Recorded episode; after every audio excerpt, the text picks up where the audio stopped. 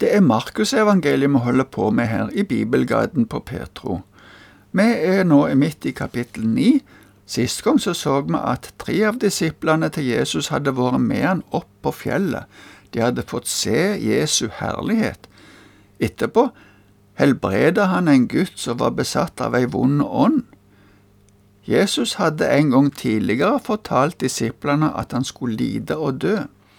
I fortsettelsen nå vil vi se at Jesus igjen forteller de om det. Vi skal nå lese ifra vers 30 til 32 i kapittel 9. De brøt opp derfra og la veien gjennom Galilea. Han ville ikke at noen skulle få vite det, for han var opptatt med å undervise disiplene sine. Og han sa til dem, Menneskesønnen blir overgitt til menneskers hender, og de skal slå ham i hjel og tre dager etter sin død skal han stå opp. Men de skjønte ikke hva han sa, og de våget ikke å spørre ham. Hvis vi tenker at det fjellet der disiplene fikk se Jesus var en del av Hermonfjellet, så var nok også dette stedet der disiplene var mens Jesus var på fjellet helt nord i Galilea, nå gikk Jesus og disiplene gjennom Galilea, og Jesus gikk utenom tettstedene fordi han måtte undervise disiplene. Det var ikke alt som var like godt å snakke om mens det var så mye folk til stede. Det Jesus prøvde å forklare, var litt om hans oppdrag, at det var at han skulle lide og dø. Men selv om Jesus hadde sagt dette også tidligere, så kunne de ikke forstå det men Markus kommenterer bare at de våga ikke å spørre han om det. Etter hvert kom de til Kapernaum. Da spurte Jesus disiplene om hva de hadde snakket om på veien. Det kan vi lese om nå i fortsettelsen, og leser nå ifra vers 33 til 37. De kom til Kapernaum, og da alle var i hus, spurte han dem, Hva var det dere snakket om underveis? Men de tidde for på veien hadde de snakket med hverandre om hvem som var den største. Da satte han seg ned, kalte de tolv til seg og sa til dem, Om noen vil være den første, må han være den siste av alle og tjener for alle. Så tok han et lite barn og stilte det midt iblant dem. Han la armen om barnet og sa til dem, Den som tar imot et slikt lite barn i mitt navn, tar imot meg. Og den som tar imot meg, tar ikke imot meg, men ham som har sendt meg. Som vi så tidligere, hadde de ikke forstått det Jesus prøvde å fortelle disiplene, men da han spurte hva det var de hadde snakket om på veien, så ble de flaue over det og ble stille. De hadde nemlig snakket om hvem av de som var den største, men Jesus visste hva de hadde snakket om. Så ville han undervise dem litt akkurat om det. Først sa han at i Guds rike så er det å tjene de andre et tegn på å være stor. Så brukte han et barn som eksempel, og viste at det å ta imot et lite barn kan sammenlignes med å ta imot Jesus. Det igjen er å ta imot Gud. Barnet blir som regel knapt nok lagt merke til, men Jesus viser at også barna er viktige. Etter dette kom det opp et spørsmål om hvordan de skulle avgrense flokken av Jesu disipler. Det var Johannes som hadde opplevd noe som han syntes var litt rart, eller kanskje til og med litt feil. Så forteller han dette til Jesus. Vi leser om det fra vers 38 til 42. Johannes sa til ham, Mester, vi så en som drev ut onde ånder i ditt navn, og vi forsøkte å hindre ham, siden han ikke var i følge med oss. Men Jesus svarte, Dere skal ikke hindre ham, for ingen som gjør en mektig gjerning i mitt navn, kan straks etter si noe vondt om meg. Den som ikke er mot oss, er med oss. Den som gir dere et beger vann å drikke fordi dere hører Kristus til. Sannelig, jeg sier dere, han skal slett ikke miste sin lønn. Men den som lokker til fall en av disse små som tror på meg, for ham var det bedre om han var kastet i havet med en kvernstein om halsen. Kanskje vi også lett skiller mellom oss og deg.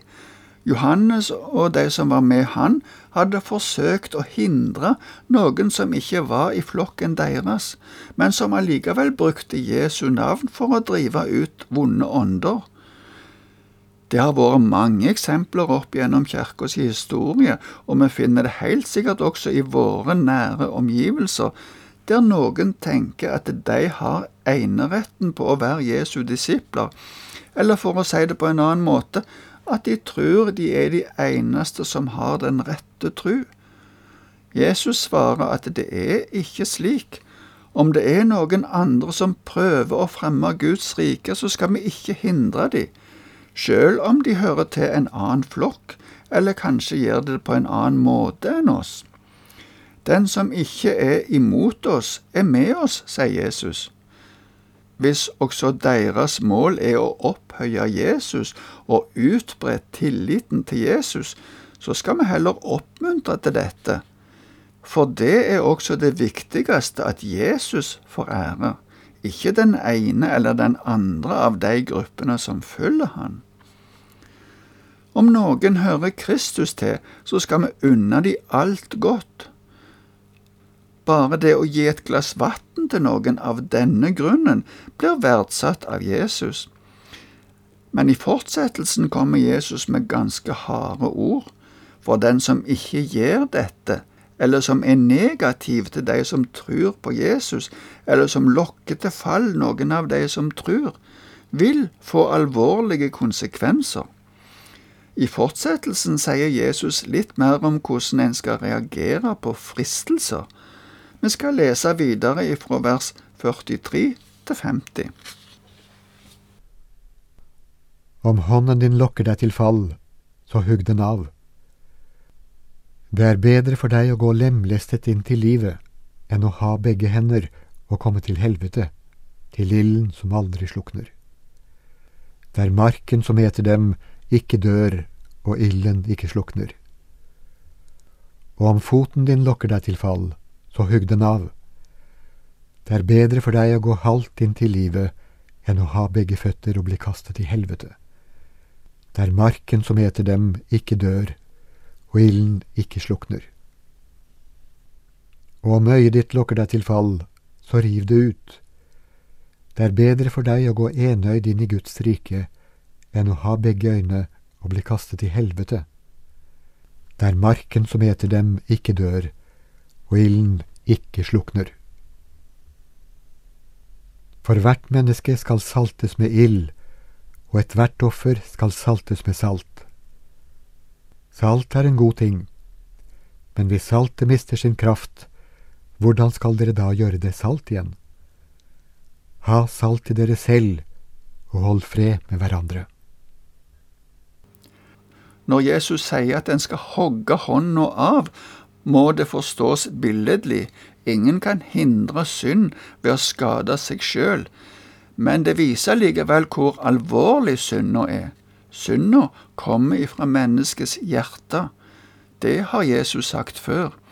Den kommer ikke inn ved hjelp av noe en tar eller ser, men allikevel skal dette vise oss at vi skal vokte oss for det vi rører eller ser på, slik at det ikke skal føre oss videre til å synde.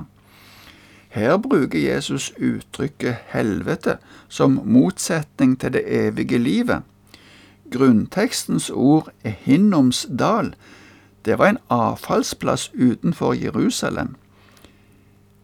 Jesu tilhører var kjent med den ulmende ilden som hele tida brant der for å tilintetgjøre avfallet. Denne dalen ble et symbol på fortapelsens realitet. Det er nemlig helt tydelig i Jesu forkynnelse at det er to utganger av livet. Den ene beskrives som himmel, glede, bryllup, fest og lignende uttrykk. Det er der de kommer som får del i det evige livet. Den andre utgangen er fravær av alle disse gode egenskapene, og heller motsatte egenskaper. Men det kan se ut til at sjelene allikevel fortsetter å eksistere. Derfor gjelder det for oss å sørge for at vi kommer til Guds rike. Vi skal ta med oss et avsnitt fra kapittel ti også i dag. Det er de første tolv versene der. Her snakker Jesus om ekteskap og skilsmisse, og vi leser dette avsnittet. Han brøt opp derfra og kom til Judea og til landet bortenfor Jordan. Folk samlet seg hos ham igjen, og han underviste dem som han pleide.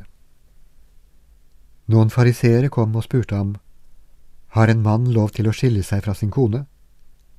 De ville sette ham på prøve. Hva har Moses påbudt dere? sa han. De svarte, Moses har tillatt mannen å skrive skilsmissebrev og sende henne fra seg. Da sa han til dem, Fordi dere har så harde hjerter, har Moses gitt dere dette budet. Men fra begynnelsen av, ved skapelsen, skapte Gud dem som mann og kvinne.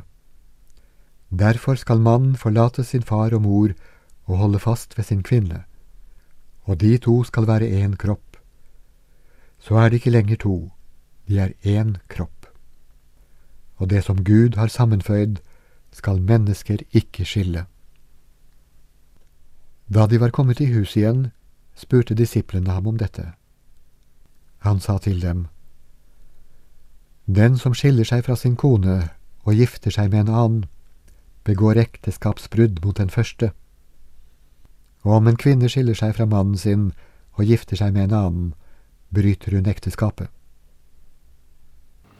Vi skal ikke si så mye om dette avsnittet, bare legge merke til at fariseerne hele tida var på jakt etter noe de kunne bruke for å sette Jesus fast. Skilsmissebrevet var et dokument som var underskrevet i vitners nærvær. Hensikten var det å unngå skilsmisser så mye som mulig. Men Jesus understreker at ifra Guds side var det ikke meningen at de skulle skilles i det hele tatt. Da vil jeg bare si takk for i dag, og Herren være med deg.